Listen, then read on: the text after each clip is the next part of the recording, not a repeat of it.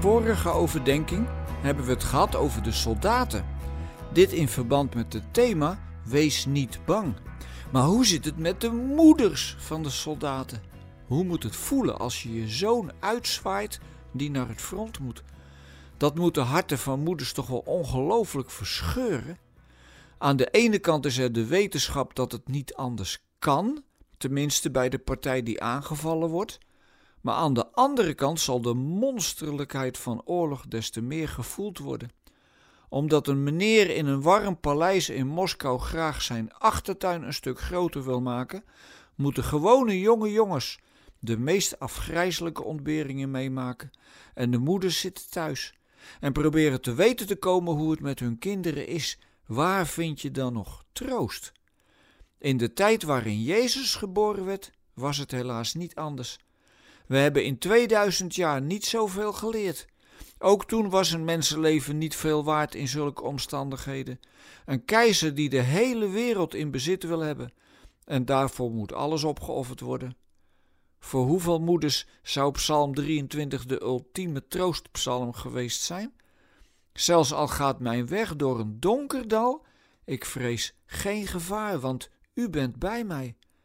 Er wordt geen verklaring gegeven van alles wat er gebeurt, maar er wordt alleen maar gezegd dat God erbij is en dat zijn stok en staf ons moed geven. Zouden moeders van wie de kinderen in de oorlog zijn daarmee kunnen leven? Ik weet het niet.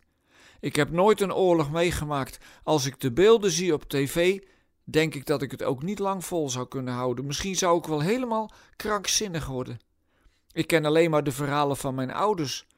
Mijn vader was 15 toen de Duitsers Nederland binnenvielen, mijn moeder 13. Aan het einde van de oorlog, op de bevrijdingsdag van Utrecht, reden de tanks van de geallieerden door de straten en is mijn oma van moederskant onder zo'n tank gekomen en overleden. Ze waren er bijna. Onvoorstelbaar. Zijn wij er ook bijna als het straks kerst gaat worden? Hoe je het ook wendt of keert, het is het begin van iets heel nieuws.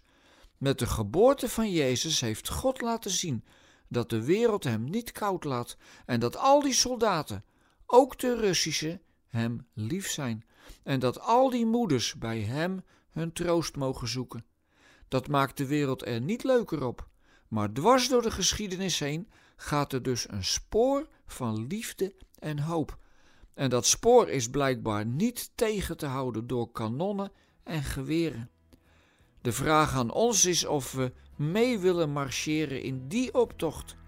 Misschien mogen de moeders van de soldaten wel vooraan lopen. Dat het ook voor hen kerst mag worden, dat er in al het verdriet toch een engelenzang mag klinken.